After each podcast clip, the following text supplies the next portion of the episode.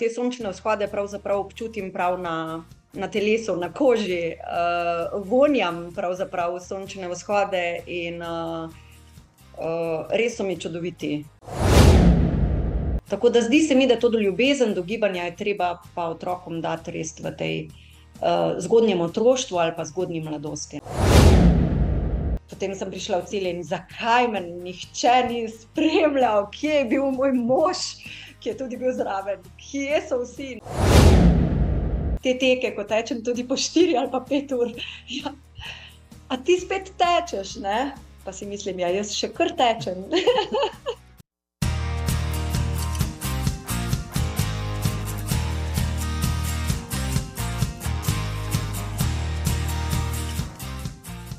Dobro jutro, živijo Erneja. Dobro jutro, živijo. Kakšno je vreme v slovenskih konicah, mi povej? Oblačno. Ampak sončni vzhod je bil danes uh, čudovit. Rdeče nebo, uh, skratka, uh, čudovito je bilo zjutraj. Zdaj, ko govoriš o sončnem vzhodu, predvidevam, da ga nisi gledala skozi okno, ampak si ga doživela zunaj nekje. Um, ja, pa sem ga uh, v bistvu iz sobe, ker sem čakala, da me pokličeš, uh, in sem imela uh, tremo uh, za današnji pogovor. Oziroma, zagotovo, če ne bi imela pogovora, bi šla danes uh, teč in bi ga doživela čisto v živo, tako pa uh, sem ga gledala skozi okno. Zdaj imam pa jaz slabo vest, da so se, da se zmenili tako in se ti prekrajšal in sončni vzhod. Ja. Še veliko sončnih vzhodov bo, tako da nikar ne rabiš imeti slabe vesti. um, si pa ljubitelj, jaz sončnih vzhodov na teku, ja, kar sem večkrat gledal, rekel, tvoj Instagram profil, no to je res taka, uh, rekel. Um, tako lep, lep prikaz tega, kaj se v naravi lahko vidi, ko tečeš. Ne samo v množici pa ljudi, ampak predvsem tistega, kar ponavadi pregledamo, ko smo s svojimi mislimi. Ja, si ljubiteljica sončnih vzhodov na teku. Pravzaprav sem ljubiteljica narave nasplošno. Ja, tečem pa najraje zgodaj zjutraj ali pa potem proti sončnemu zahodu. Uh, skratka, navdihujejo me res ti uh, prečudoviti uh, pogledi, uh, ki so za me najlepši, uh, pa res zgodaj zjutraj, uh, ko se noč prevesi v dan oziroma v jutro. Uh, Lepšega v bistvu ni. Uh, te sončne vzhode pravzaprav občutim prav na, na telesu, na koži, uh, vonjam pravzaprav sončne vzhode in uh, uh, res so mi čudoviti. Tako da me očarajo in tudi sončni vzhodi so mi veliko krat motivacija, da se zgodaj zjutraj vstanem in grem teč. Čisto preprosto. Me prevzamejo. Zdaj pa si predstavljam situacijo, ko je zunaj kot tri stopinje nad ničlo, naliva k prnorcih. Ja, od sončnega vzhoda bo, bo bolj malo, pa ti še vseeno greš, ali kako? Uh, če vliva po prnorcih, uh, se vprašam, uh, če je to potrebno, da ne bom naslednji dan mogoče potem uh, zbolela ali kakorkoli. Uh, pogledam, kakšno bo vreme naslednji dan uh, ali pa popoldan, uh, in če je boljše, uh, tek prestavim. Uh, če pa uh, je cel teden napovedano slabo vreme in pa deževje, uh, pa zagotovo grem tečem vsaj štirikrat do petkrat tedensko. No. Tako bom rekla. Malo se prilagodim tudi vremenu, ampak načeloma tečem v vsakem vremenu, tudi pri minus 15, kar je zdaj redkost. Če bi vsaj imel minus 15, pa pol metra snega, pa kaj tasga. ja, ja. Tečem tudi, uh, če je kar nekaj snega, ni ga pol metra, takrat pač teč, res ne morem. Ne? Ampak če pa je sneg, če sneži, to je še en res poseben občutek, tako da se kar veselim tega trenutka, ko bo prišlo do uh, tega. Um, ponavadi, jaz smo že novembra. Um, najprej se veselili prvih snežink, potem ventil nad njimi, ko so se mal stalile, pa zmrzne na tisti cesti, in tako naprej. Ja, zdaj, ja, tudi, tudi, tudi slabega snega, zdaj le se ne bi utepali, ja, pa ga kar ni, da jim rečem, da mogoče bo februarja, kaj od te zime. Um, Mhm. Sicer je vrhunsko vreme zdaj le za teč, jaz sem šel par dni nazaj, pa mi je kar potegnilo, ne vem, bilo je 10 stopinj, v kratki majici, v pajkicah, kratkih, počutil sem se kot marca. Uh, imel sem kar mal tak čuden občutek, ko sem rekel, uh, a to pomeni, če je tako vreme, moram več teč, pa se pripravljati za kakšne maratone bolj intenzivno. Sploh nimam uh, tega občutka, da bi lahko malo več počival. Um, Ja, res je. Se strinjam. A imaš še novoletne kar- sklepe? Izvoli, izvoli. izvoli. Ja, ja ne, kar tečemo. Ne? Pa itak uh, imamo tekači, uh, bom rekla, uh, bolj kot ne, celo leto, tekaško leto, ne? nekih daljših uh, pauz ni, vsaj pri meni ne. No. A si kdaj, uh, si meriš svoje tekaše kilometre? Najbrž ja. Ja, vsi. Jih pač ne objavljaš, ja. mogoče javno, ja, tako kot rekel, zagrizni tekači, ki dajo vse na stravo, tudi ko grejo na sprehod do pošte. Ne. Objavim samo, če um, pretečem kakšno stotico, takrat pač uh, objavim, da sem pretekla 100 km, ker sem ponosna na sebe. Uh, drugače pa, uh, ja, kar nekaj pretečem. No? Tečem uh, čisto odvisno, tedensko nekje od 40, pa ko se pripravljam na kakšne daljše razdalje, tudi do 110 km, kar pomeni mesečno. Uh, ne vem, eh, tam od 180 do 310, uh, ko sem si beležila, sem tudi naredila mesečno, uh, letno pa tam nekje okrog 2500 km poprečno. To, to je čisto tako, pač, uh, ampak me tudi motivira, ne, če vidim kak teden, da pač je malo manj kilometrov, si rečem, lej, pa nekih 40 boš pa že pretekla, ne, in jih pač pretečem. Ni vedno počutje enako. Um, tako da ja, tečem, vse čas. Prijem te vprašam, kje ne raje tečeš? Ja, te bom, ker sem Mhm. naredila tako lep uvod, predstavil naj na občestvu v 129. epizodi podcasta za gre za tek. Mhm. Drage dame in gospodje, je z mano Jrnej Aristič Levart iz Slovenskih konic. Ja, ona je vodja centra za kulturne prireditve v Slovenskih konicah in že ja, od otroških let zaljubljena ne samo v šport, v tek, še prav posebej, na drugi strani pa tudi v kulturo. Ha, tudi v tem bo kakšno rekla.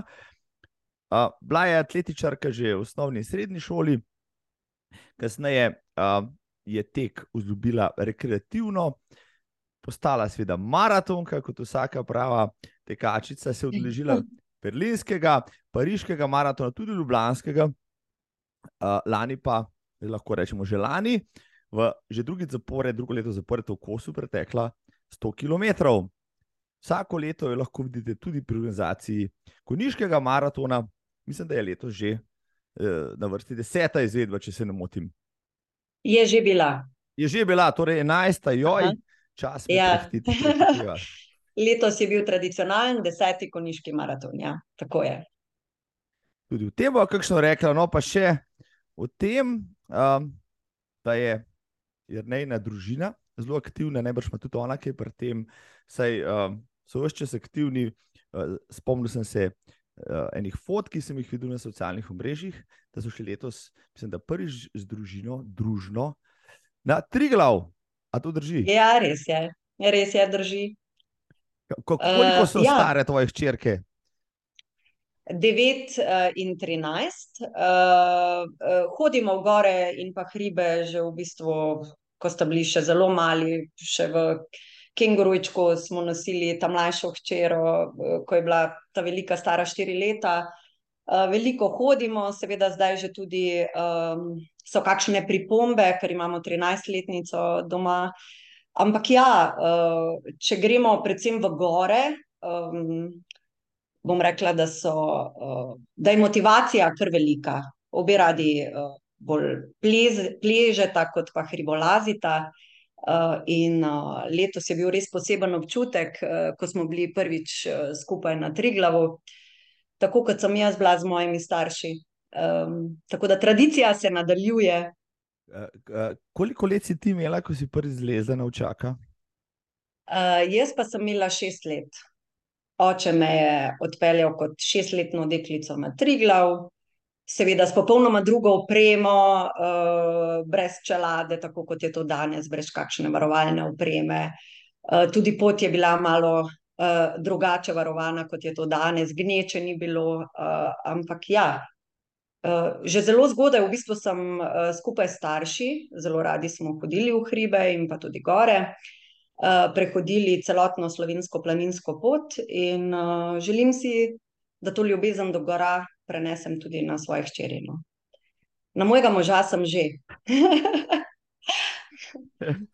Mislim, ta virus se uspešno širi. No, če, če si spravila na tri glav, ja, v ja. teh letih, ja, potem eh, ni hudir, da ne bodo šli po tvojih stopinjah tudi tudi ostalih, ostalih očakih. Imate knjige, te zelene, pa šte, eh, imamo. imamo. Ja? Eh, tri glavniti ni, eh, bom rekla, ja, je naj, najvišja gora, ampak ogromno je čudovitih, prelepih gora, od Mangrta do Jalovca.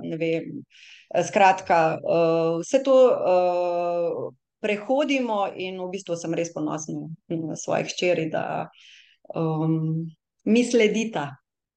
No, sej, o tem bi, bi kakšno lahko rekla zdaj. Um, kako bi ti primerjala, recimo, svojo mladosti, pa recimo mladosti trenutne generacije, odraščajoče mularije. Namreč veliko govora je, da ta gibalne sposobnosti padajo. Na drugi strani, ne, ironija, imamo bistveno več športnih krožkov, uh -huh. uh, klubov, uh, otrok, ki so vključeni v organizirane oblike vadbe, treninga in ne vem kaj, vse. Ne? Ampak statistika populacije v celoti pa kaže uh, na, na, na padec, rekel, tako športnih, kot tudi drugih psihofizičnih značilnosti teh otrok. Zdaj, zakaj meniš, ne, da je prišlo do tega, glede na to, da, da možnosti so, ne, ali si ne vzamemo časa, kaj, kaj je potrovalo po tvojem temu, da si šel ti pri šestih letih na tri glav danes. Pa recimo, če bi šestletnika pelil do na tri glav, bi ga skoraj že prijavili socialni službi. Ne, so šestletniki, ki pridajo danes na tri glav. Jaz mislim, da uh, je vse skupaj temelj družina. Uh, Danes v bistvu smo razvajeni, bom rekla, imamo vsega na kupu uh, teh športnih uh, društev, uh, je ogromno. Um, športnim društvom se lahko danes upišajo pravzaprav vsi otroci. Ne? Namen športnih društev mislim, da je danes popolnoma drugačen, kot je bil nekoč. Ne? Mhm. Mene so zaradi nekih sposobnosti povabili k kladivarju, ko sem začela trenirati, danes se lahko v športno društvo upiše vsak. Uh, Um, takrat smo bili tisti, ki pač um, smo bili nekako povabljeni, ni mogel trenirati vsak. Um, in tudi starši niso ustrajni v bistvu pri, um, bom rekla, teh uh, motivacijah otrok. Uh, ko starše upišajo v neko športno društvo, mislim, da na meni staršev niso uh, vedno iskreni. Ne? ampak eh, bolj, ja, nekaj bo obiskoval, zato da se bo gibal, vprašanje, kak je interes samih otrok.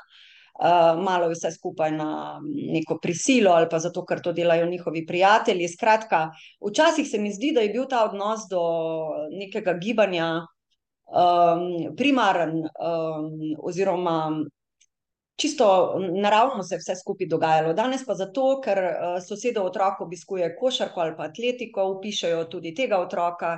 Zato ker je res uh, tempo življenja hiter, starši imamo en kup nekih obveznosti, se upiše v neko uh, športno društvo, tudi zaradi tega, da pač so starši popoldan prosti ali pa v službah.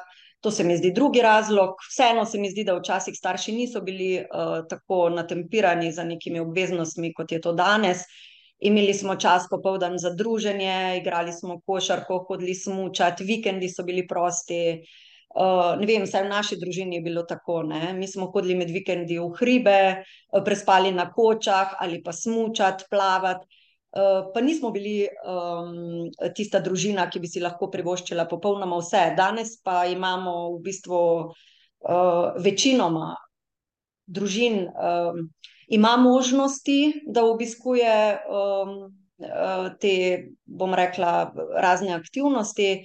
ampak koliko je to iskreno, koliko je to, um, bom rekla, zaradi res nekega zdravega načina življenja. Uh, pa ne vem, no, meni se zdi uh, tukaj ta bistven razlog. Potem pa tudi prehrana. Ne? Danes je uh, na policah vse, kar si človek poželi. Menim, da smo včasih jedli bolj zdravo.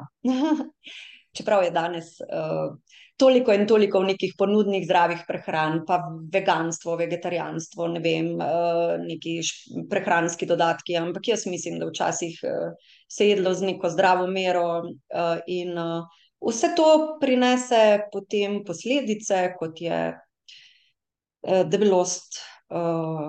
Otrok, mislim, da je razlika kar bistvena. Uh, se strinjam, zelo, ko si to govorila, sem se ja, več tudi podoživljal tisto, kar sem jaz počel kot mulj, pa kar počnem z otroki sedaj. Smo pač v družbi, um, ki smo se jih pustili, da nam diktira to uh -huh. prekletstvo izbire. Uh, pa ta strah pred, pred tem, da bomo kaj zamudili, da bomo zamudili uh -huh.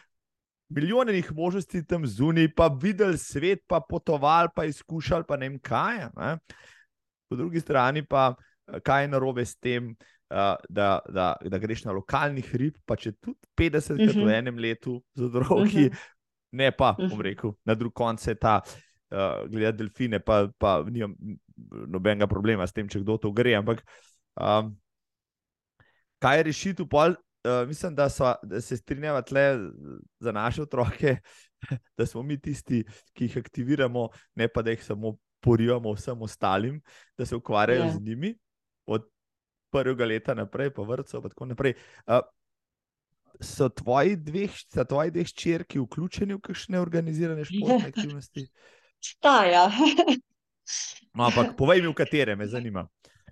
Ja, atletiko uh, trenirata obe, uh, kar je pač uh, izgleda bila moja želja. Ne? In potem sem v bistvu jim približala atletiko na ta način, da danes to uh, zelo radi obiskujete in tudi ste uspešni atletini v svojih uh, kategorijah.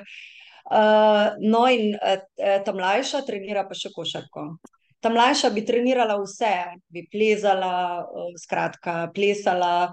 Um, ja, zdi se mi, no, da pa če treba otroke pač motivirati k neki aktivnosti, ampak še bolj pomembno se mi zdi, da skupaj kot družina gremo v hribe, uh, tečemo takrat, ko pač uh, imamo to možnost.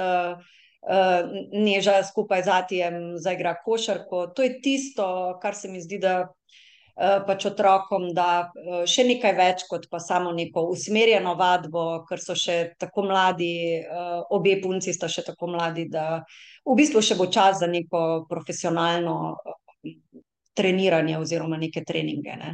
Tako da zdi se mi, da to do ljubezen, do gibanja je treba pa otrokom dati res v tej uh, zgodnjem otroštvu ali pa zgodnji mladosti. No. In uh, jaz mislim, da sva tu z možem nekako uh, dosegla um, ta najmen cilj. No. Prav, šestitke, ja, zdaj. Uh, vam rekel, vse smo otroke podobnih starosti. Um, pa poslušalci, gledalke tam zunaj. Nič ni zamujeno. Ja? Jaz se kdaj tudi borim s 13-letnico, da bi jo še kaj spravil. No, potem tako, veš. vem, kako to zgleda, in sem pomirjen, a, da so 13-letnice tam zunaj, si dosti podobne, kar se tega tiče.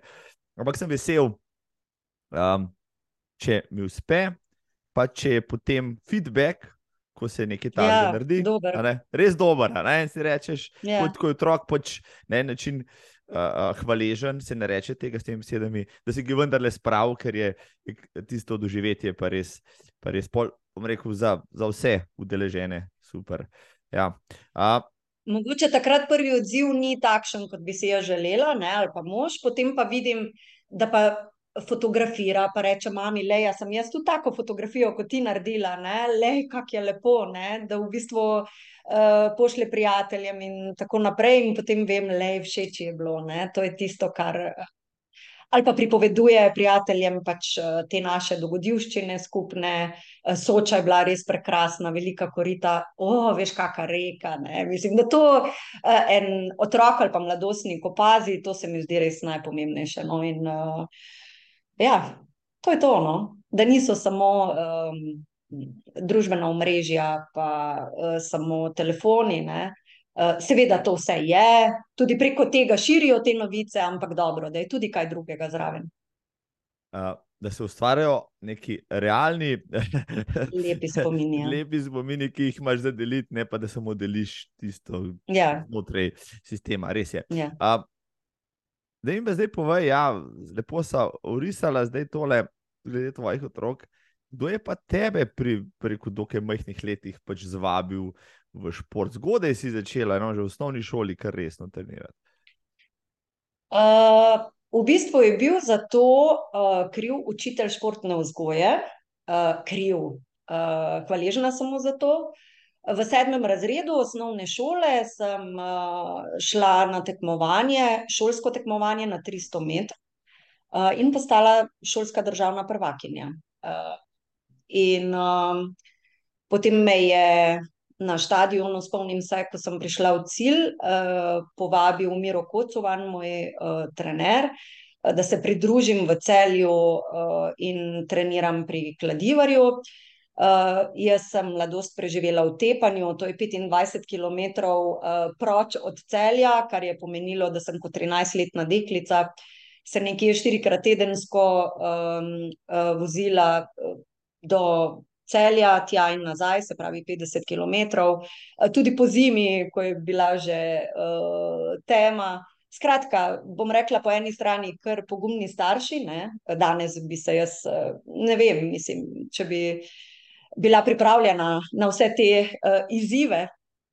Uh, no, in uh, obiskovala sem v bistvu od sedmega razreda naprej, uh, potem tudi uh, atletiko, Eh, nadaljevala potem z atletiko tudi v srednji šoli, upisala sem se na gimnazijo, Kajukovo gimnazijo v celju, uh, športni oddelek. Uh, naša generacija je bila prva generacija v Sloveniji, ki je imela v bistvu možnost uh, biti v športnem oddelku.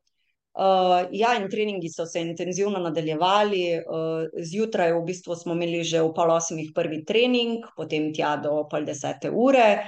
Od desetih do treh uh, smo imeli šolo, in potem popoldan še en trening.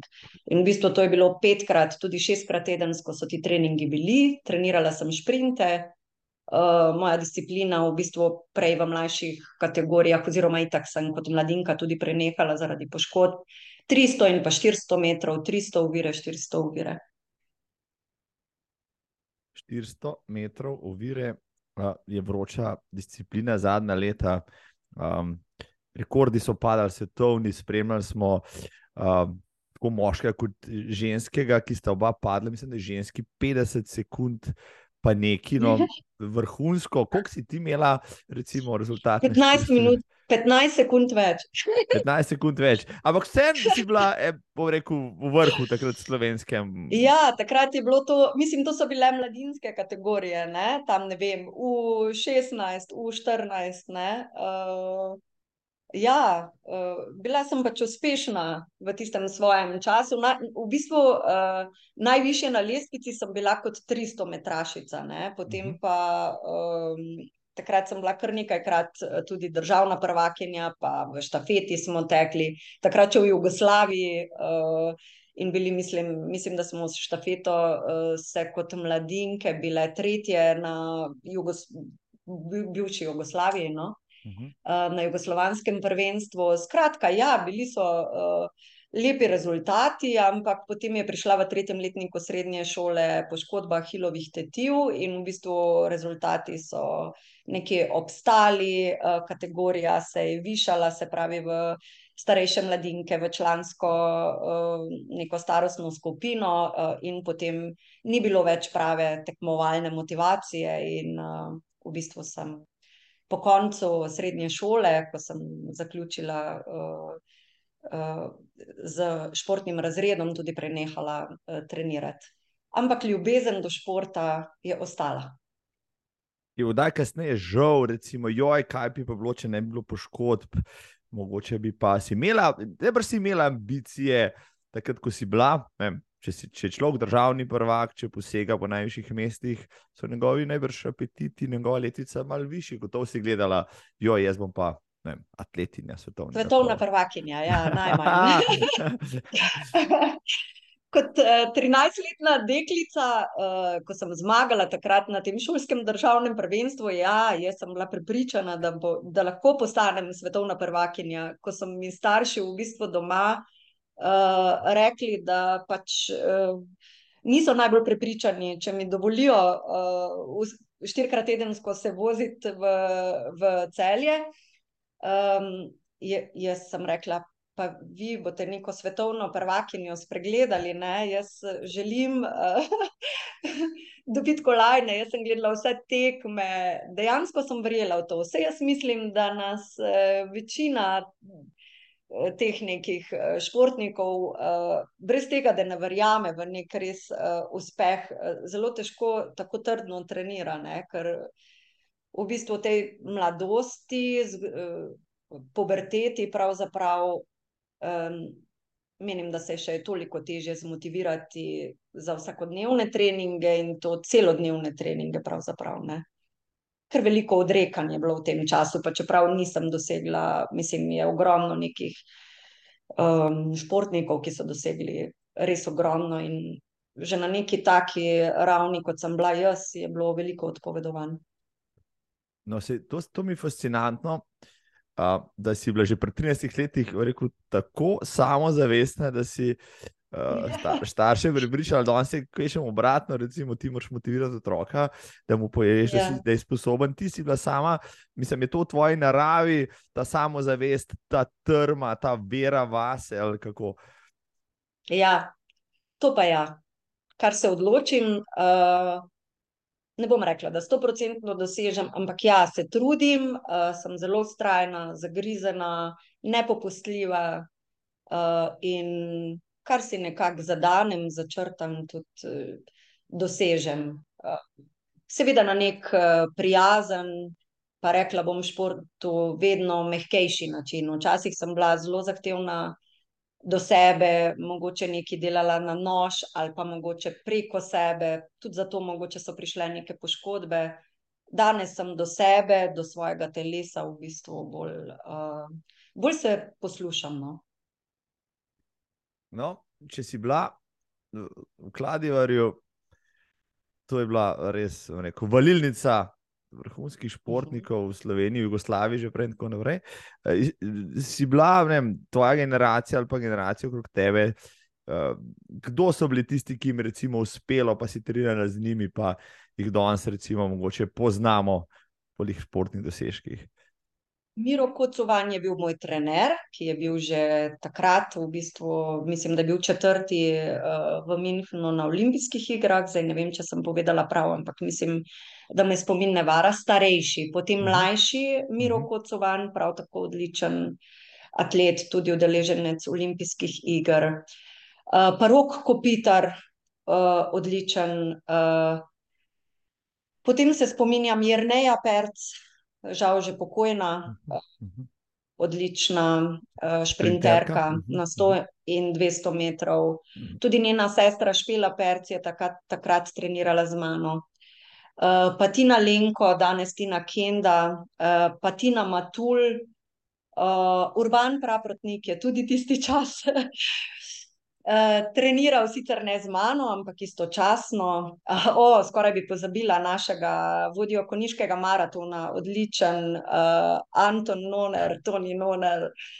Uh, bil je uh, odličen, uh, 3000 oviraž, uh, 3000 stipl čez je tekel, bil balkanski prvak, uh, seveda v članski kategoriji, ne v mladinski, uh mhm. -huh. tako kot jaz. Um, Ja, en kup dobrih atletov je bilo. Uh, tudi Brigita Bukovec je v bistvu v tistem času tekla 110 uvira, uvire.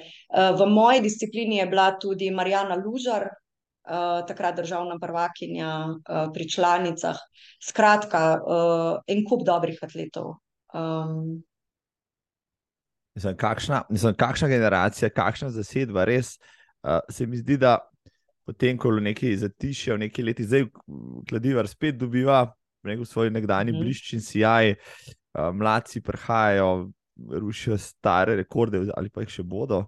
No, tako da lahko malo z optimizmom gledamo na slovensko atletiko, pa spremljaš mogoče to atletiko kot nekdanja atletinja. Še to, kot si jo včasih, ali pa z levim očesom, ali kako. Spremljam jo zelo, zelo rada, uh, kolikor pač uh, utegnem, ker delam v takem poklicu, da v bistvu veliko popoldnevov organiziram kakšne prireditve, pa mi potem vide, pogledam nazaj, kakšne tekme. Uh, navijam za vse naše atlete, ja, vem, spremljam, ampak včasih sem bolj kot danes. Včasih sem vedela za vsak čas, danes ne vem niti za uh, svoje več. V bistvu so mi danes uh, pomembne čiste ne druge stvari. Uh -huh. Um, seveda pa imam atletiko zelo, zelo rada in um, pač spremljam, to pa je tudi vse. Um, leta 24, drugo leto, ja, so olimpijske igre v Parizu. V Parizu. Kdaj, tako, bi, eh, si jih bo šla pogledati, si mi kdaj želel, da bi videla. Ja, ta, ja predvsem mlajša hči Neža si strašno želi na olimpijske uh, igre v Parizu. Zakaj pa ne? Ne vem. ja, rada bi doživela v živo, nisem bila še na nobenih olimpijskih igrah in po mojem, mora biti to nekaj uh, fantastičnega. Ja, bi odšla v Pariz na olimpijske igre. Um, Mogoče mislim, boš ti kaj organiziral. Jaz sem rekel, na vsak, način, ja, na vsak način se rekel, bom organiziral odpravo, če drugega ne, če že ne bomo uspeli priti na tisti maraton, ker bo menda zelo težko priti, ki bo po olimpijskem maratonu na isti progi. Uh, bomo šli pa ne, neka odprava, se bomo, se bomo nabasali na bus ali pa na avion, pa šli tja pogledati maraton. To je v bistvu za ston, saj za enkrat je še bilo, nekam v progo se postaviš, pa gledaš, kako štirikrat mimo tebe prelafajo. Uh, večinoma črni atleti, pa še bel za njimi, ne, pa ogibaš, koga si videl, ampak neko olimpijsko vzdušje, prav gotovo je.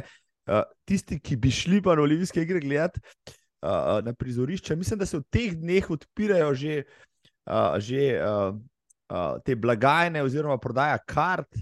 Nekje sem zasledil, no, pa cel postopek je zapleten, zna biti kar, rekel, kar drago, pa kar kompleksno prijeti tja, recimo, gledati finale na 100 metrov, ja, ki bi ga vsi radi mhm. gledali. Mm -hmm. Ampak kaj drugega, pa vseeno, se pravim, če bo možno priti oprogo na maraton. Pa če so to edine vrste. Se bom pridružila, se bom pridružila. Gremo skupaj, ja. ja, tako sicer. Ja, super. Če so v Parizu, pariške ulice poznaš iz prve roke, oziroma iz prve noge, se si tekla tam že enkrat. Če, ja, sem ja. tekla. Moj prvi maraton. Uh, 42 km razdaljo sem pretekla v bistvu prav v Parizu. Uh, to je res ena uh, krasna zgodba, no, vsaj za me. Uh, nikoli ne bom pozabila um, ne samo Pariza, ampak tudi, uh, bom rekla, nagradne igre, ki mi je omogočila udeležbo na Pariškem maratonu. Uh, Uh, namreč, uh, moj prijatelj Andrej, s katerim veliko tečeva skupaj, oziroma veliko razdaljeno, skratka, tekaški prijatelj in tudi sicer uh, zelo dober prijatelj, um, me je, mm, ne vem, to je bilo leta 2016. Uh, jaz sem v bistvu, še to bi prej povedala, začela teči leta 2014. Uh, bolj za res. Prej sem tekla tako 2, 3, 4 km, pa kako jogo zraven ali pa neke vaje za stabilizacijo trupa, to je bilo to. No, potem 2014 so me nekako uh, povabili, da tečem najprej krajšo razdaljo, 21 km na Ljubljanskem maratonu, in potem me je kar zagrablo, jaz sem kar začela teči kar daljše razdalje, že no, tja do 21. Uh, nikoli si pa nisem mislila, da bom lahko pretekla maraton. Ampak uh, dejansko je bil Andrej in pa njegova Tamara sta bila kriva uh, za to, da sem se prijavila na izostarjev izziv. Uh, ved, uh, izziv je bil, da v mesecu dni pretečeš 200 km, se zlogiraš v to njihovo nagradno igro uh, preko ure, ne, pač kaj si pretekal. Uh, Uh, jaz sem to uh, naredila, se prijavila, in um, čez mesec dni je bil žreb. Uh, tisti dan sem ravno tekla, pridem domov, uh, pogledam na ne vem, je bil Facebook ali Instagram. Pogledam, vidim neko objavo iz Ostarja, in čisto na drobno so bili napisani nagrajenci tega izostarjevega izziva, in jaz sem bila zlata nagrajenka izostarjevega izziva. to je pomenilo, da sem dobila plačano štartnino, letalsko vozovnico in pa bivanje v Parizu. Dejansko celotna dogodivščina, avantura, je bila brezplačna in kdo tega ne bi sprejel. V bistvu sem se naslednje jutro odločila, da začnem trenirati zares, da ne bom ostala pri enaindvajsetkilometrskih razdaljah, in, mislim, da je bil sedmi april, dva sedemnajst, sem v po pariških ulicah odtekla svoj prvi pariški maraton. In, za piko na i je bil srebrni nagrajenec tudi Andrej, ki se je prijavil na ta, izziv. No, tudi Tamara se je, Tamara ni bila izžrebana, Andrej pa je bil srebrni nagrajenec, kar pa je pomenilo, da je imel, štartnino plačano, in potem smo vsi skupaj odšli na, maraton in ga tudi uspešno odtekli. pariški maraton je v tistih letih, se spomnim, takrat zelo, glede udeležbe, pojačal te limite, najprej so šli čez štirideset, potem so bili, mislim, da prvi maraton na svetu, ki je šel čez petdeset tisoč prijavljenih. Res je. kolikor vem, je bil ravno tistega leta postavljen rekord, udeležbe, štiriinpetdeset tisoč tekačev, naj, naj nas bi takrat teklo. vsaj do takrat je bila to najštevilčnejša tekaška prireditev. Zagotovo. Ja, ker, newyorški maraton je šele zatem recimo presegel petdeset tisoč, kar je zgornji limit, jaz sem bil v Parizu precej let nazaj na maratonu, takrat nas je bilo, ne vem, mogoče kakšnih trideset, petintrideset tisoč, pa že takrat je bila, bi rekel, ta množica nepregledna, potem sem šel gledat recimo zadnja leta, kdaj se štartajo, kdaj štartajo različni boksi, pa ne vem, prvi, Kenijci so štartali ob devetih, zadnji tekači šele deset štirideset, sem rekel, saj so komaj prišli štartne črte, ko je, vem, Kenenisa Bekele že lavfal v cilj. Kako je bilo pa tvoje, ja, kako je bila izkušnja, no, dva sedemnajst, daj mi malo povej, kako se je pa tebi to zdelo, ko si šla na prvi maraton pa prideš na največjega na svetu? Ja. Mislim, da so najboljši tekači takrat tekli že, štartali že ob osem trideset. Ne vem. Tako imam v spominu. Osem trideset, jaz pa mislim, da mi smo pa tam nekje deset trideset. Kako jim je to uspelo, ampak mislim, trasa je bila tako speljana, da v bistvu, štartali smo na Elizejskih, poljanah, skratka, ja, nekateri so že bili v cilju, mi smo komaj štartali, štartala sem v skupini tam štiri petnajst, štiri trideset, saj tudi se dobro ne spomnim. vzdušje je bilo fantastično, velika pričakovanja, prvič sem kaj takega doživela, čeprav moram reči, da sem potem kasneje, sploh na berlinskem maratonu, doživela, drugače doživljala te štarte, bolj, bolj sem jih doživela, ne, takrat sem se v bistvu ukvarjala bolj z vprašanjem, ali bom zmogla, ni se me okolica, toliko dotaknila, kot so se me naslednji maratoni, v bistvu sem se takrat bolj sprostila, znala bolj uživati v samem štartu v bistvu in pa, doživljanju še drugih stvari razen ukvarjanja s svojim tekom.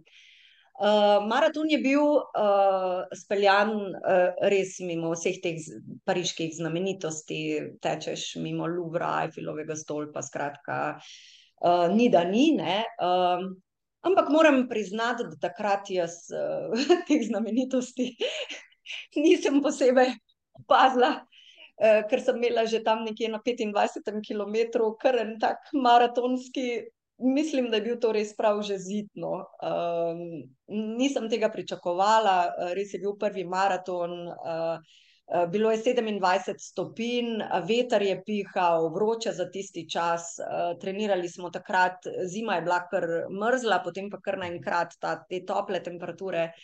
telo ni bilo pripravljeno, krči so me grabili, nikoli me krči ne grabijo, takrat so me. V tej, počasni skupini so tekli, seveda, ti tekači nad 4 ure, nad 4,5. Uh, in uh, v bistvu jih je ogromno kar padalo, ker eden je padel, pa drug je padel, pa en se je za nogo držal, drug se, drug se je ustavil. In težko sem se sploh zmotivirala, da sem prišla v cilj. Ampak sem v 4 urah in pol, sem pritekla v cilj uh, in občutki so res bili fantastični. Uh, bilo je krasno, je pa res, da je tudi ta moja ekipa, um, prijatelji, bila z mano. Z nami je takrat za izostarjev uh, izziv delal fotoreportažo Tit Košir. Uh, uh, in uh, v bistvu sem, smo nekako bili dogovorjeni, na, da nas na nekje na 20 km uh, navijajo za nas, uh, tekače, ki smo tekli, pa na nekih določenih razdaljah, ampak neča je bila takšna, da nisem srečala nikogar. Seveda takrat. Potem sem prišla v cilj in zakaj me nihče ni spremljal, kje je bil moj mož, ki je tudi bil zraven, kje so vsi. Ne? Potem smo se komaj po maratonu našli, ampak v bistvu si sploh ne predstavljaš, kakšna množica um, ljudi je to na teh ulicah, kljub temu, da, da so te Elizejske poljane res. Uh, Uh, ogromne, ne, ta uh, površina, uh, ampak uh, ja, težko smo se sploh našli. In, uh, Nisem doživela tega pariškega maratona uh, tako kot potem uh, prihodnje maratone, oziroma sploh berlinski maraton je bil uh, res uh, ena ano. Uh, je pa bilo lepo in pa prvič uh, prid v cilj uh, maratona je posebno doživetje. Sem pa objela eno uh, američanko, ki je tudi prvič uh, pretekla maraton uh, in v bistvu. Uh, Sva se z njo skupaj veselili in pa nazdravili z kozarcem vode. Kar se jaz spomnim, uh, recimo Pariškega maratona, uh, je bilo res ogromno število Američanov, ker Američani pač ljubijo Pariz. Ogromno uh, Američanov v uh, identičnih majicah, pa vsak je tekel za neko društvo ra, bo, bo, za boj proti raku, pa Alzheimerjev bolezen in podobno. In te skupince so imele potem svoje trenere s sabo. Že takrat, jaz sem bil tam 15 let nazaj so ti američani, tolo, še v dobi pred mobilnimi telefoni, eh, ki jih imajo vsak v žepu, so videli ti američani samo fotoaparate in so delali selfije tam z alfami stolpami. Meni je bilo to tako fascinantno. Videl sem cel kup našemljenih ljudi, kar jih tudi nisem videl, kjer drugje. To je neko posebno vzdušje, no pa uh, na vstopu v Bolonski park so. Uh, francoski vinari točili vino, pa mazal pa šteto. Ali je to še zdaj? To sem tako? pa prebrala, kako si ga ti uh, doživljal v tvoji knjigi za Gred za tek. Ja, uh, ja sej sem tudi jaz na ta način opazila vse te. Uh, V, v tem gozdu uh, je bila ena poroka, indijska poroka, te se spomnim, in so kar hodili skozi, uh, čez traso, uh, Uh, njim je bilo vseeno, ali je maraton ali ni. Um, skratka, ja, imam neke take eh, cukrčke v spominu, pa te plesavke, um, navijačice. Uh, skratka, veliko se je igralo po kavarnicah teh. Uh, Uh, jazz standardov, se jih prav spominjam, uh, potem rok skupine so bile na nekih vogalih, pa uh, bobnari, skratka. Uh, lepo organizirano. No? Uh, lepo, ampak tudi uh, v Berlinu bi se težko, naprimer, zgodilo, da kar ena poroka gre skozi traso. Tukaj pa se je to zgodilo, ampak mene ni, mene ni motilo, ne? ker pač uh, nisem bila tako hitra, oziroma sem se z lahkoto uh, izmuzila. Zagajala ja. in umikala.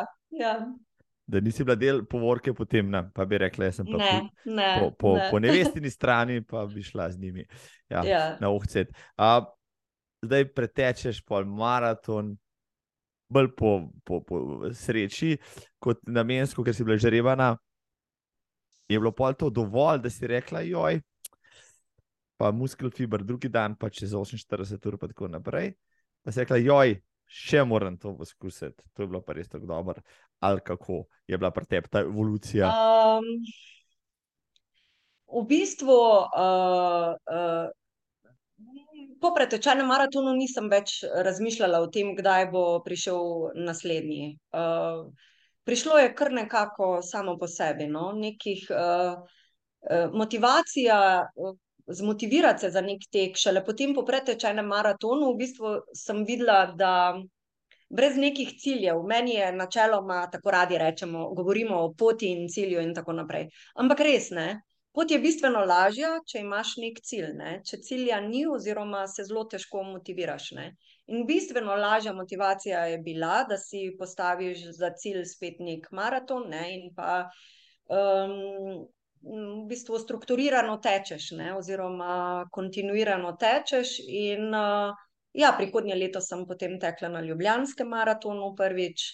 Uh, in potem tako naprej. Potem pa je že prišla korona, pravzaprav. Uh, takoj po Ljubljanskem maratonu 2019, oziroma 2018, sem se potem prijavila na žreb, na berlinski maraton.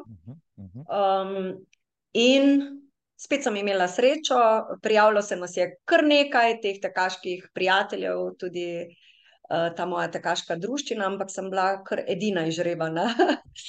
Prišla prvič, uh, ko sem se prijavila v bistvu na berlinski maraton, uh, potem pa je bila ta smola z um, COVID-om. Eno leto je bil, zdaj točno leta ne vem, 19, mislim, da je bil odpovedan, in potem, ne, 20 je bil odpovedan, in 21. septembra uh, meseca sem tekla potem na berlinskem maratonu. Uh, bilo je kar nekaj odpovedi, tudi uh, med, tem, med to pauzo, nekih tekačev, in tudi ti moji tekaški prijatelji so se pridružili, uh, tako da smo kar vsi tekli na berlinskem maratonu. Um, zorganizirali smo se tako, letalskih prevozov takrat tudi ni bilo, z Ljubljane ni bilo letov, niti iz Zagreba, niti iz Graca. Uh, in potem smo kar rentali avtobus, uh, in cele družine smo se z avtobusom odpravili na 15-urno vožnjo do Berlina. Uh, naslednji dan uh, 15 ur ogledov Berlina in pa seveda nekih dobro prehojenih 20 km po Berlinu, in naslednji dan potem maraton.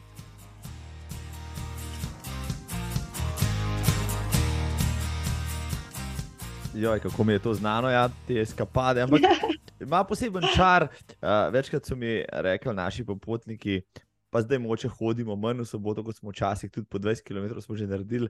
Ampak uh, zanimivo, nekateri tekači, ki grejo, recimo, tako velik maraton. Um, Še vseeno soboto grejo teč nekih 5-8 km za aktivacijo, ali pa grejo na v stran, ali pa tako naprej. Jaz sem rekel, tega ne bomo počenjali, se bomo pa hodili, pa bomo skojo te, skojo te aktivirali. Pa imeli zdi, lahke noge na sledeči dan.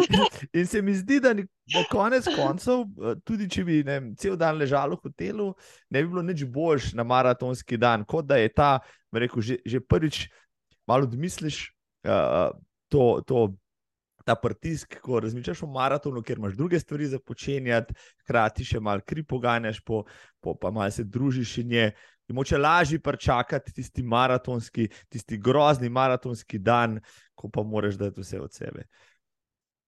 Uh, mi na te maratone, no, se jih ni bilo tako veliko, ampak na, na, ta, na te tekaške prireditve, ponavadi gremo, uh, sploh zadnji čas, kot družina. Uh, hčeri sta navijačici, tudi moj mož. Uh, do pred kratkega je bil navijač, zdaj pa tudi sam začel teči ga moram pohvaliti. Ja. Tako da tudi njega sem zmotivirala za tek.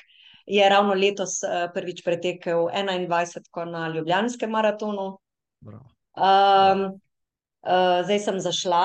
Uh, ja, uh, v bistvu uh, te naše, uh, moje uh, marat maratonske uh, tekme so v bistvu tudi nekak, neka družinski izleti, družinska uh, potovanja.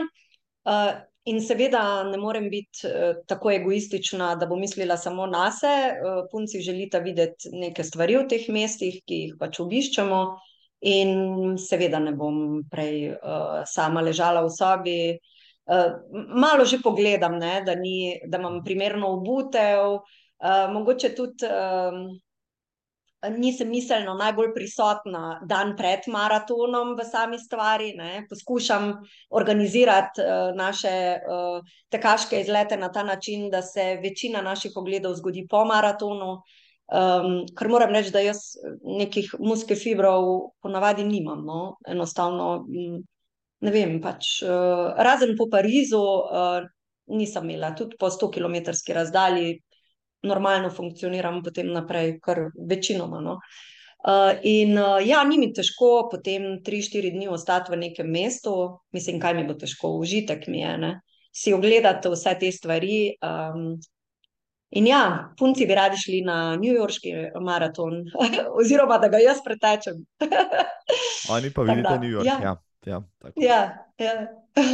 Ok, visoki cilj, lepo, lepo, ja, ti cilji so kot vsak, rekel, novopečeni tekač, um, ki je rekel: uh mhm. -huh. Jaz pa ne bom šel nikoli na maraton, poznam kar nekaj takih. Danes so vsi zagrizeni maratonci, ki imajo na koledarskih obkrožene za cel let naprej že termine. Uh, zelo zanimivo. Um, in povej, vem, da si o tem že nekje govorila. Um, ti veliko tečeš sama, recimo, ampak potem prideš iz, te, uh, iz tega uh, ukvarjanja sam s sabo, pa z. Uh, um, tega teklanja, kjer se imaš neko introspekcijo, pa priješ na štart neke prireditve, kjer je okrog tebe um, 40 tisoč razgretih, prešvicanih, namazanih, takih drugačnih ljudi. Um, kako pa ti do, to potem doživljaš, uh, ta prehod, recimo.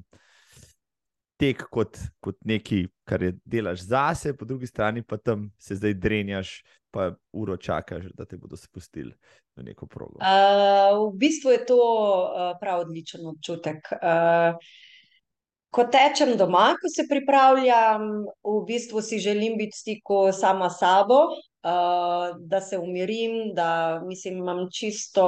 Uh, uh, neka uh, druga, uh, drugačna gledanja na to uh, pripravo svojega telesa, na nek napor, kot pa potem na sami tekmi. Na sami tekmi pa se nekako zavedaš, um, da so s tabo somišljeniki, uh, ki zelo podobno razmišljajo. Ki veliko tudi tečejo sami, ki uh, so podobne napore, kot si jih sam dal v nek trening, da bomo skupaj um, doživeli bi rekla, neko ekstazo, neko, neko, uh, da delamo neko stvar, ki jo preprosto imamo radi, jo um, obožujemo. Torej, uh, In uh, predvsem je to, da vsi mislimo zelo podobno. Ne? Jaz se počutim, kot da sem doma s svojimi. Uh, tudi če je tam tekač iz Argentine ali pa iz vem, Maroka ali pa odkudarkoli. Uh, meni se zdi domač, ne? mi se uh, preprosto pogovarjamo, kot da se poznamo, ker uh, imamo nek uh, skupen cilj, smo ena velika tekaška družina. In uh, ravno to sem doživela v Berlinu na štartu, kjer je bilo mi, bistveno manj tekačev kot v Parizu, mislim, na nekih 25 tisoč, ampak ta energija je bila um, neverjetna. Um, morda še posebej zaradi tega, ker je prej bila korona in smo nekako živeli v tej osami, potem pa smo, mi smo se vsi uh, objemali, uh, podajali roke. Uh, kot si rekel, ta uh, prešvicana telesa, pa to nima nobene veze. Ne? Ko v bistvu, če bi drugače uh, nekje srečal uh, kakšnega tekača, verjetno ga ne bi bil na teh tekmah. V bistvu to ne šteje. Eh, se poljubljaš, objemaš, uh, grabiš banane iz tistih veder, ko veš, da jih je ta bo grablo, ne vem koliko tisoč tekačev, nekih higijenskih, uh, bom rekla, um, standardov visokih. Uh, Tukaj pač ne pričakuješ, oziroma uh, vsi smo eno, um, eni srečni ljudje, uh, ki imamo to srečo, da smo se sposobni na ta način gibati, povezati. Eh, ne vem, to je to. Ja, to t, imaš prav, v bistvu tek, tek res združuje, združuje ljudi iz celega sveta. Z različnimi nazori, z različnimi poklici, uh -huh. z mhm. različnimi življenjskimi zgodbami, je res zanimivo. S tem se sploh ne ukvarjamo, ja. v bistvu. Mislim, jaz se s tem ne ukvarjam. Ne? Um, Za mene smo tam vsi enaki, pomagamo drug drugemu, uh, se skupaj veselimo. Uh, ko tečeš to neko maraton, neke štiri ure, naprimer na neki trasi, ne, Uh, v bistvu se vmes uh, marsikaj pomenimo, uh, uh, spoznamo, tudi kakšna prijateljstva nova se sklepajo. Uh, skratka, re, res je na teh maratonih um, lažje ga pretečeš, ne? bistveno lažje premaguješ vse te razdalje, uh, potem so navijači v progi. Um, ne bi pa tega počela vsak dan. Ne? Mene tudi ta, uh, vse to me v bistvu potem tudi izčrpa. Ne? Jaz sem v bistvu čustveno potem kar izpraznjena po nekem uh, maratonu in spet rabim ti svoj mir, ne? da pač sama sabo nekje uh, razčistim potem uh, vse te zgodbe, ki so me napolnile, potem pa spet na novo zgodbo. Ja, do, tudi do, dozirati je treba te stvari. Po, Ja, po, po pameti, ja. Ja, da, da jih ne jemliš kot samoumevne. Um, res je to, se spomnim tistih občutkov po koroni, tudi leta septembra 21, sem tekel maraton, Ja, ko, ko nas ne leto pa pol ali pa več ni bilo nikjer, in potem smo se tam vsi šli, tekači z vseh vetrov. In, ja, um, kar malo so kakšne solzice pretekle. ja o meni tudi. Meni tudi. Stala tako- sem na štartu in jokala, prej tega nisem želela povedati, ampak ja, zelo si čustven. Ne vem, to težko uh, razume nekdo, uh, to, ki ne teče, ne? ampak uh, res so to eni zelo fajn. No, tekači pa itak vsi razumejo. Ne? Ja, vsi, pa, vsi pa, ki smo bili v Berlinu, pa vemo, uh, kaj ti pride na misel, ko vidiš Brandenburška vrata, pa rečeš, da ima pa še zadnjih nekaj 100 metrov. Ja. Je nekaj, pose, je nekaj posebnega, no, ker mogoče ni na kakšnem drugem maratonu. No, tako. Ja, in jaz sem uh, berlinski maraton uh, tekla, mislim, moj cilj je bil pod štirimi urami, ne, čisto eh, ni to nek rezultat, ampak ja, jaz sem bila zadovoljna. Uh, tekla sem ga pod štirimi, in ko sem ugotovila tam pri Brandenburških vratih, ne, da to bo pa šlo pod štiri ure, dvignila roke, se veselila. Ja, in bilo je res super. Super Prav. občutek, dober občutek. Bravo. Um, zdaj rekla si, maratonsko, si šele na začetku svoje poti, imaš še cilje, poleg New Yorka, kje bi pa še rada tekla, pa kje boš tekla, ker si pravi, če si zapičiš nekaj, potem to narediš. Ja, s temi uh, nekimi maratonskimi željami v bistvu mm, nimam nekih posebnih želja. Ja, seveda rada bi pretekla vseh šest eh, ta velikih uh, maratonov, majorjev. Uh, to je moja želja. Zdaj, kako vse to uskladiti, je druga stvar. Uh, predvsem pa je moja želja um, še dolgo teči, da, da bi čim dlje časa uh, tekla. Uh, hvaležna sem za to, da lahko tečem, da se mi zdi, da um, še imam vedno telo uh, pripravljeno na, na te napore. Um, Zelo fajn mi je teči, uh, tudi ne na teh uh, nekih množičnih prireditvah, ampak uh, s to prijateljsko druščino, kot sem rekla, Andrej, Tamara, Aleksandra, Simon in še ne dve drugi družini sta zraven, tečemo zdaj tudi te tradicionalne stotke. Um, tukaj smo v bistvu deset uh, nekih takih um, prijateljev, dva tečeva to razdaljo. Uh, ostali pa nama pomagajo, pomagajo nama na kolesih, na, pomagajo pač. Uh, tečejo zraven, in v bistvu se že znotraj uh, te naše male skupine ustvari ena taka posebna energija, eno tako posebno vzdušje, um, da se že prav veselim, ker tudi za to pomlad načrtujemo novo stotico. Uh, in um, že danes me ta stotica motivira. Um, Ja, do teh stotic je pravzaprav prišlo uh, tudi zaradi korone. Ta moj prijatelj Andrej je tekel v Bilu, uh, mislim, da tri leta nazaj, uh, Mhm. to 100-kilometrsko v Švici, ja, uh, to razdaljo. In potem me je tudi povabil, uh, če bi šla kdaj z njim. Sem rekla, ne, to pa jaz res ne bom, ne, zakaj pa bi, ne. Uh, in potem je res prišla korona, teh nekih tekaških prireditev ni bilo, ali pa so bile virtualne. Časa je bilo kar več, bili smo nekaj časa tudi doma, prireditev ni bilo. Uh, trenirala sem, ne, šla sem, veliko sem tekla po Koniški gori, tudi višincev kar nekaj. Uh, pa sva en dan tekla na roglo, slovenskih konic sva šla na roglo, potem pa pravi, pa le, pa to je za nekih, ne vem, 30 km, pa tu je tok, pa tok višincev, pa če mi dva neko traso najdeva, da ne bo zdaj tok višincev, pa bova že zmogla še kako daljšo razdaljo. No, in me, mi je dal en izziv. Uh, in ja, sem se ga kar lotila, in sva potem uh, dve leti, dve pa pol, skoraj bo tri leta, uh, tekla iz Ljubljane do Bohinja, do Ukanca. Ampak je bilo kar nekaj višincev. No? Šla sva tu nad Bledom na, mislim, da osojnico, osoj, uh, kar nekaj kilometrov je manjkalo, in pa smo šla kar v, v hrib in nazaj dol. In, uh, skratka, uh, ja, tudi čez Škofjeloško hribov je tukaj na začetku, ni bila čisto ravna trasa. Ne? Ampak cel trail, v bistvu. Ja, ja, cel trail je bil, ja, pravi trail. Ja.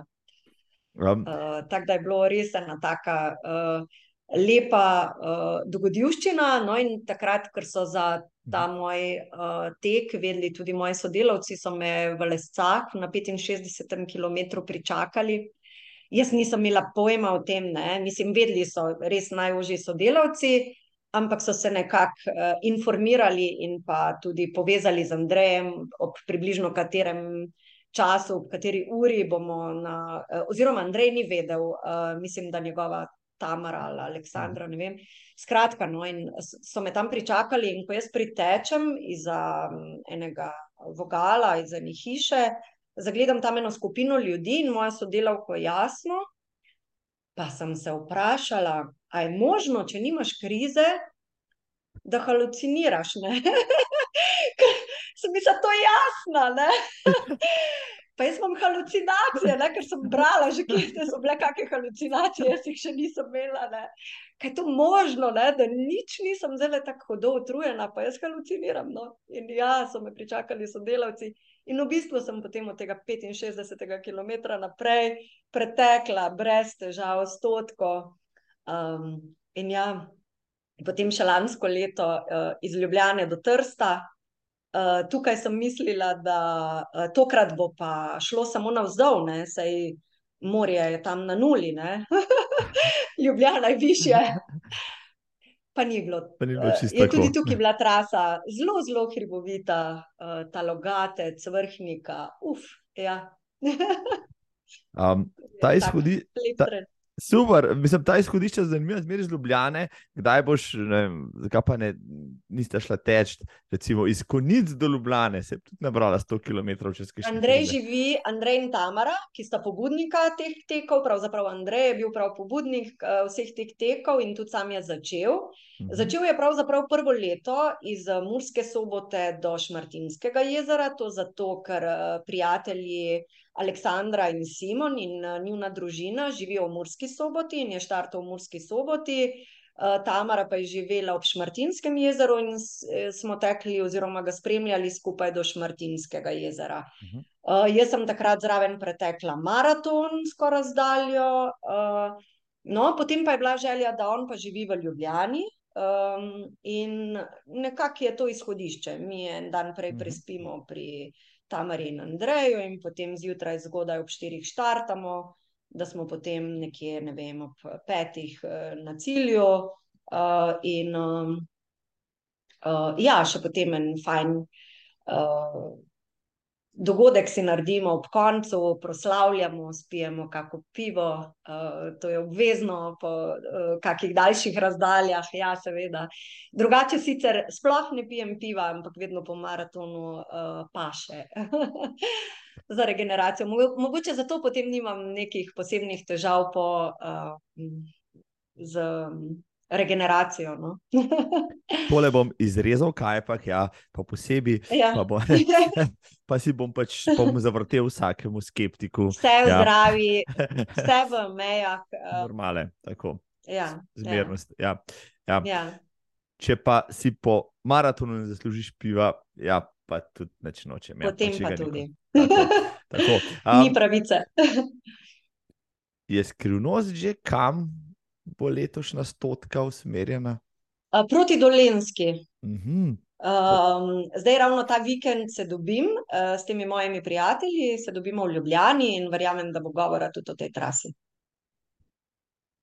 Ja, jaz mislim, da kljub temu, da sem jaz zmeraj imel občutek, da z Ljubljana proti Dolenski gre pa samo navzdol, pa spet ugotoviš, da, da, te, da temu ja, ni tako. Gre ja. samo navzdol. gre navzdol. V Ja. glavi, Ni- v glavi. v glavi je fajn, da imamo to. Jaz se bom pustila presenetiti. Ne? Um, Nekako si bom, uh, vzamem samo štartno uh, nadmorsko višino, pa potem tisto na cilju. Uh, Vmes je pa ravnina, to si naredim v glavi in potem tudi na ta način poskušaš odteči. V bistvu res sploh na teh daljših razdaljah nikoli nimam posebnih kriz, tudi hribov nekako ne. Mislim, ni lahko, ni pa, ni pa posebej težko. Čas ni, uh, bom rekla, prioriteta teh naših tekov, ne. tečemo pač res po občutku, z Andrejem tečemo več čas skupaj. Um, in ja, Um, v družbi je laže, najbrž ja, pa tudi zaradi tega, ker ljudje pridejo in tako naprej.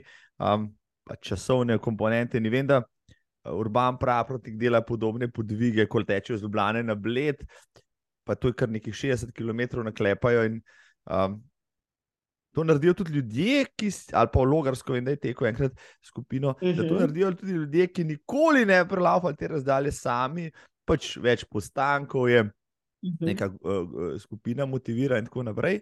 Um, Najbrž je tudi ta moment najbolj pomemben, recimo v trenutkih, ko bi mogoče sam nad sabo obupal ali pa bi rekel, da sem tega. Ja, zagotovo uh, ti ta uh, skupina uh, prijateljev, podpornikov daje to dodatno motivacijo. No, jaz sama za trening doma tečem naprimer 50 km v kosu.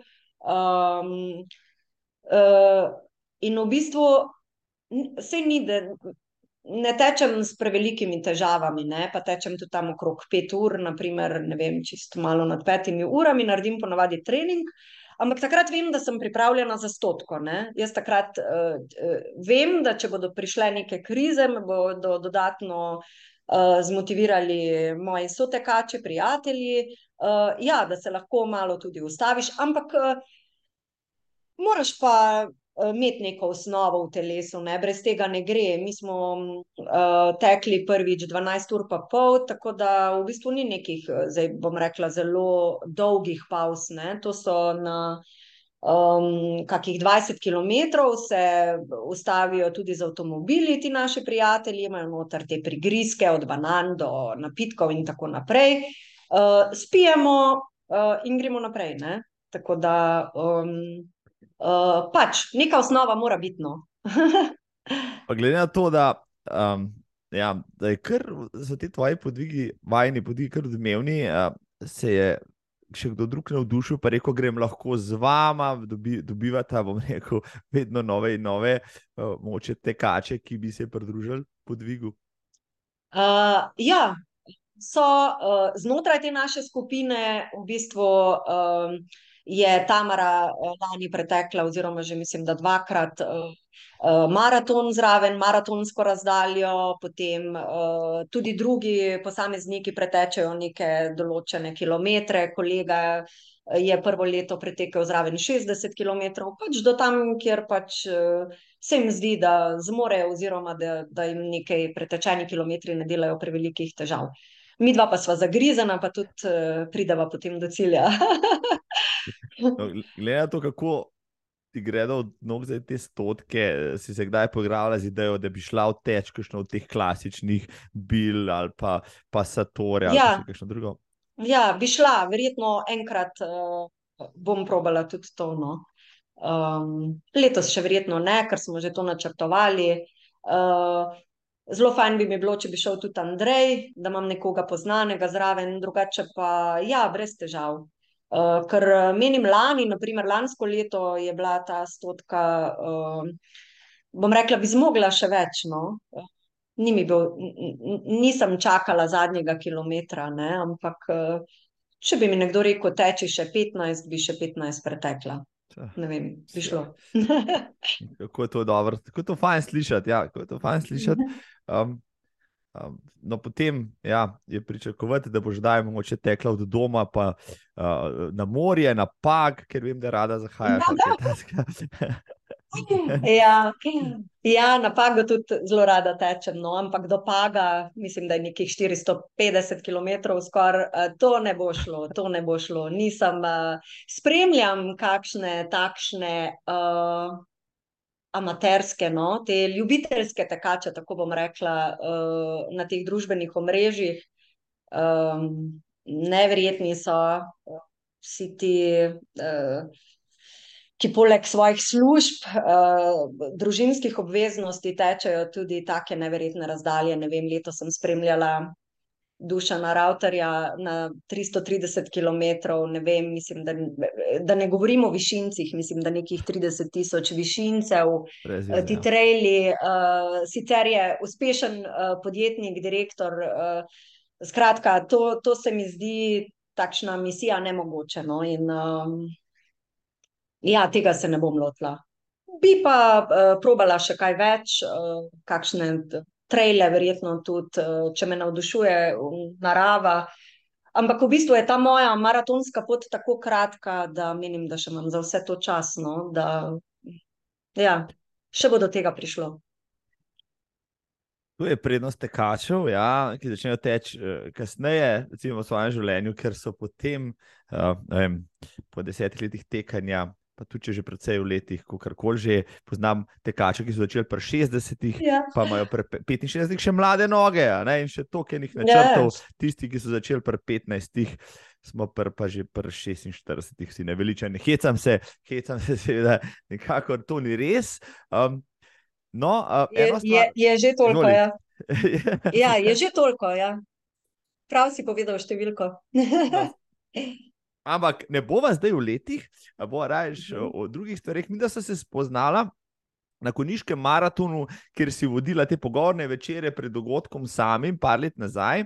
Um, pa sem se malo pogovarjala takrat o teku in tako naprej, kako navdušena tekačica si. Uh, no, potem, ko sem se tudi pripravil za ta podcast, pa že prej sem vedel, da se ukvarjaš zelo intenzivno uh, s kulturo, z organizacijo dogodkov, kulturologinja si, navdušenka tudi na tem področju, vodiš vse sorte uh, dogodkov in tako naprej. Um, to je pa druga plat, recimo, tvoje osebnosti, pa ta uh, navdahnjenost s kulturo, z umetnostjo, z glasbo in tako naprej. Ja, navdušuje me uh, glasba, v bistvu vse vrste umetnosti, no, tudi gledališče, likovna umetnost. Uh, ko sem v srednji šoli razmišljala o tem, ali se naj upišem na fakulteto za šport ali nekaj v smeri z kulturo, je potem v, prevagala kultura, zato ker se mi je zdelo, da v športu že kar nekaj časa delujem, sem bila polna tega, zdelo se mi je, da lahko to delam v bistvu usporedno. In dejansko je moje življenje vse čas razpeto med športom na eni strani, pa kulturo na drugi strani. Um, ja, zelo rada organiziram koncerte, poletne glasbene večere v Žički, Kartuzi, pa poletnice na Starem trgu v Konicah, pa tudi na Koniškem maratonu uh, imamo v bistvu glasbeni uh, maraton. Uh, če samo povem, da letošnje leto, letošnje leto je bil deseti uh, koniški maraton in kar na 22 točkah po 10-kilometrski trasi smo imeli glasbenike, kar pomeni nekje na slabih 500 metrov. Um, bilo je več kot 300 glasbenikov in uh, vsi tekači bodo vedeli, da uh, takšna vzpodbuda res nekaj velja. Uh, in pomeni tekačem. Um, in tudi tistim ob progi. Uh, imeli smo celo za goste celski godalni orkester, tako da tudi nivo teh je bil, bom rekla, zelo uh, visok in pa raznolik. Um, tako da, uh, ja, ogromno mi pomeni glasba, tukaj tudi uh, poskušam pač uh, uh, narediti uh, nekaj za dvig. Uh, glasbene umetnosti na Koniškem, kolikor pač je to mogoče. Poskušamo izobraževati za nekimi cikli, kot so koncertni cikl pri Didiju za resno glasbo um, in pa tako bolj avantgardno. Skratka, um, delamo na vseh področjih kulture in uh, se trudimo. Jaz sem nikoli pozabil, ko sem vem, bil na svojem prvem berlinskem, mogoče maratonu, ko je bilo res na vsak kilometr ali pa še manj tista, tista glasbena spodbuda. In si rekel, oh, ko bi v Sloveniji je bilo kaj tasga, no vse v Ljubljani so uh, to nekako hotel poustvariti, pa v določeni meri jim je uspelo, ampak uh, na 500 metrov v konicah, spoštovani in spoštovane, če hočete, da je glasbeni maraton.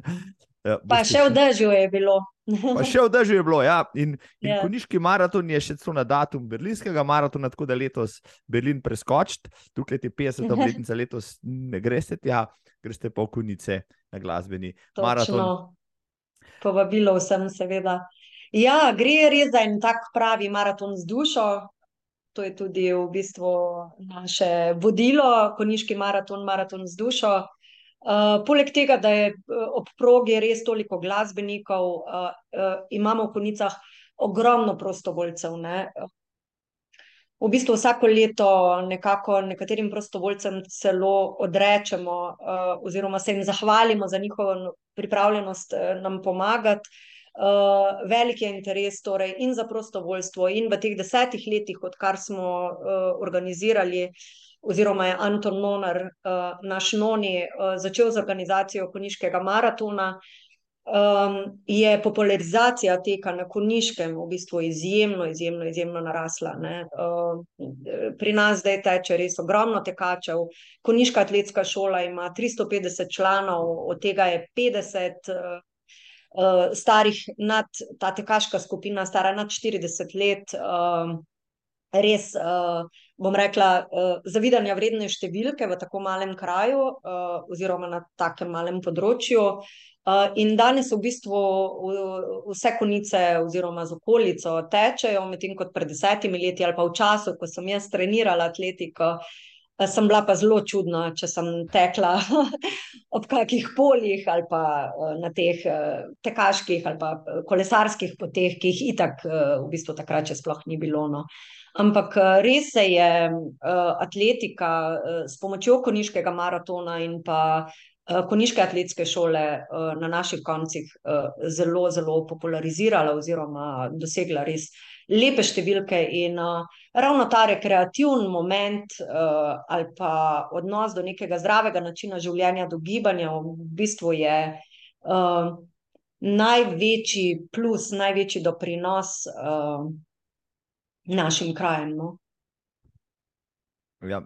Mene je fenomen koniškega maratona. Ja, zelo zanimivo, no, ko sem prvič videl, da bo v konicah nek tekst, neko ok, pač še eden od tekov, ampak ko sem bil potem par let zatem tam, tudi tekel sem, mislim, da zdaj že dvakrat, pa videl to vzdušje, pa spoznal, seveda, organizatorje od Nonija do tebe, do še ostale ekipe, videl, da ste na delu ljudje, ki res to delate s srcem in zgodba o uspehu, kar lahko rečemo, ko niške maratonu, pač ni mogla izostati. No, zdaj ste konicah med prepoznavnejšimi slovenskimi preditvami, na koncu koncev imate državna prvenstva, imate uh, mhm. rekel, najboljše tekače v Sloveniji na kupu konec septembra, to že potem nekaj šteje v slovenskem merilu. Ja, uh, zagotovo šteje, šteje pa nam tudi zelo veliko tudi to, ne, da um, tečejo lahko pravzaprav pri nas vsi. Mi smo dodali tudi 5-kilometrsko traso v zadnjem času. Ravno zaradi tega, da v bistvu privabimo neke nove tekače, ki mogoče niso sposobni oteči 10 ali pa 21 km trase ali pa se bojijo preteč teh uh, razdalj. Uh, in na 5 km traso se pa prijavi res tudi veliko tekačev. Uh, Spodbujamo tudi skupinske prijave. Letošnje leto je bila največja skupina, mislim, da nekje 95 uh, tekačev, malo pod 100 je bila številka.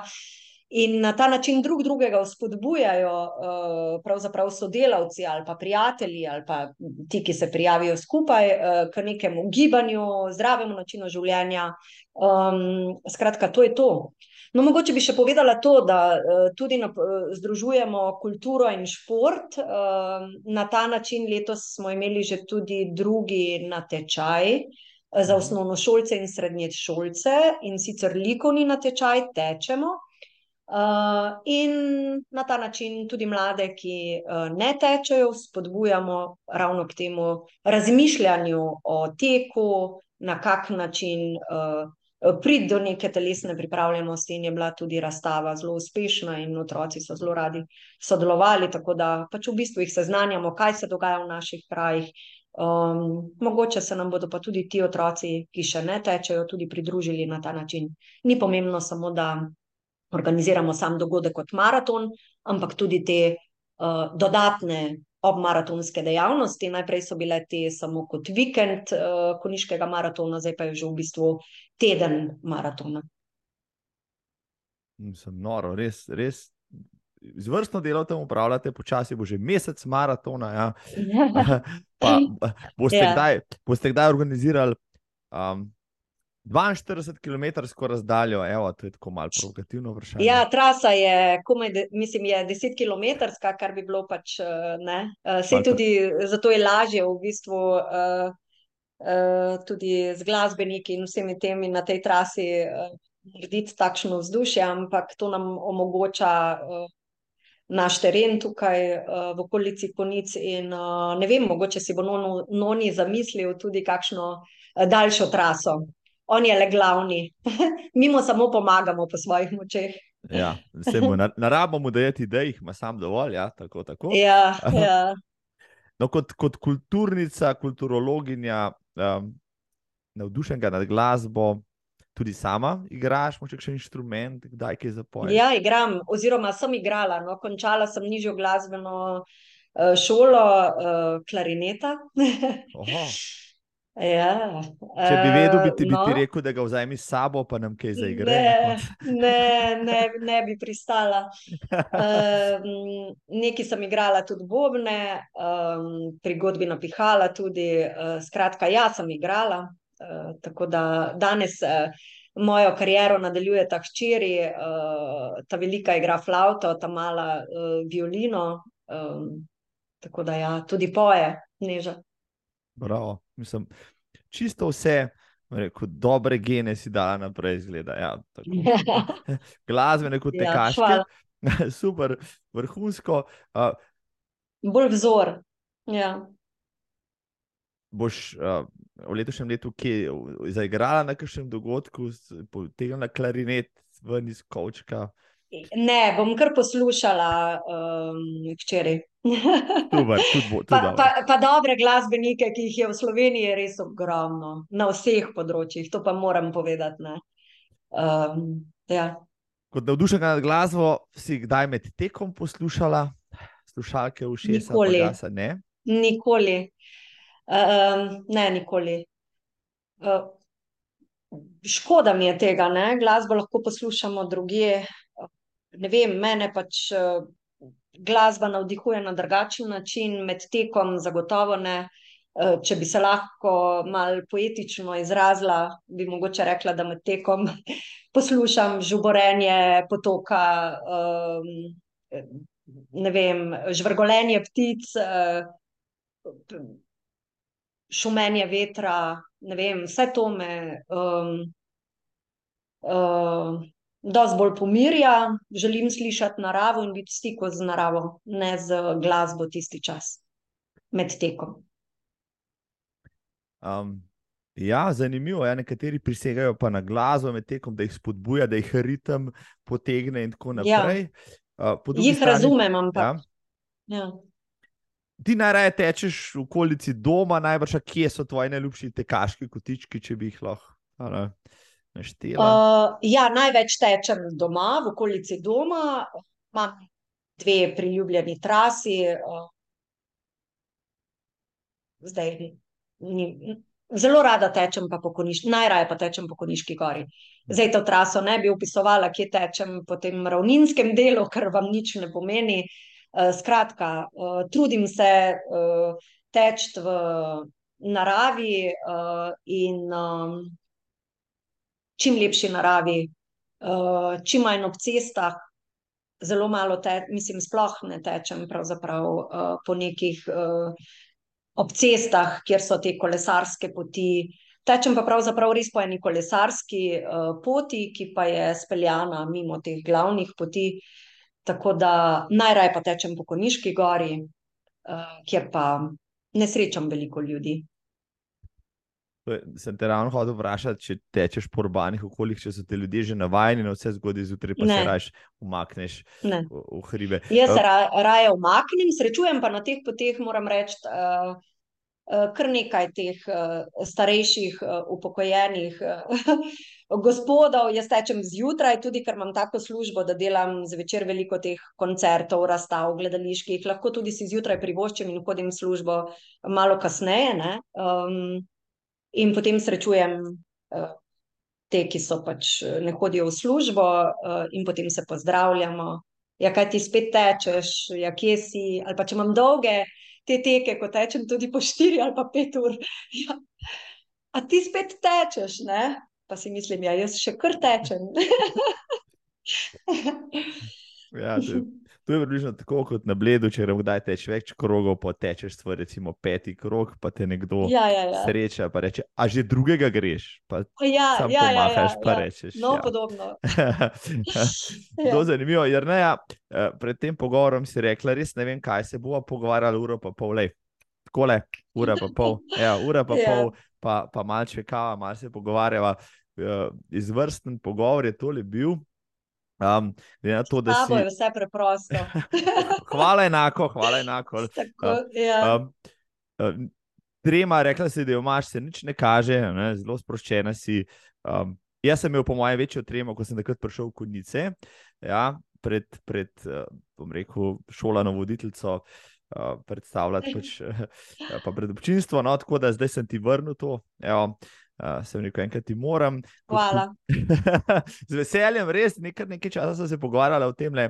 V tem uh, pogovoru in nama je končno ratelj tole izvest, tudi kot rekel, kulturnica.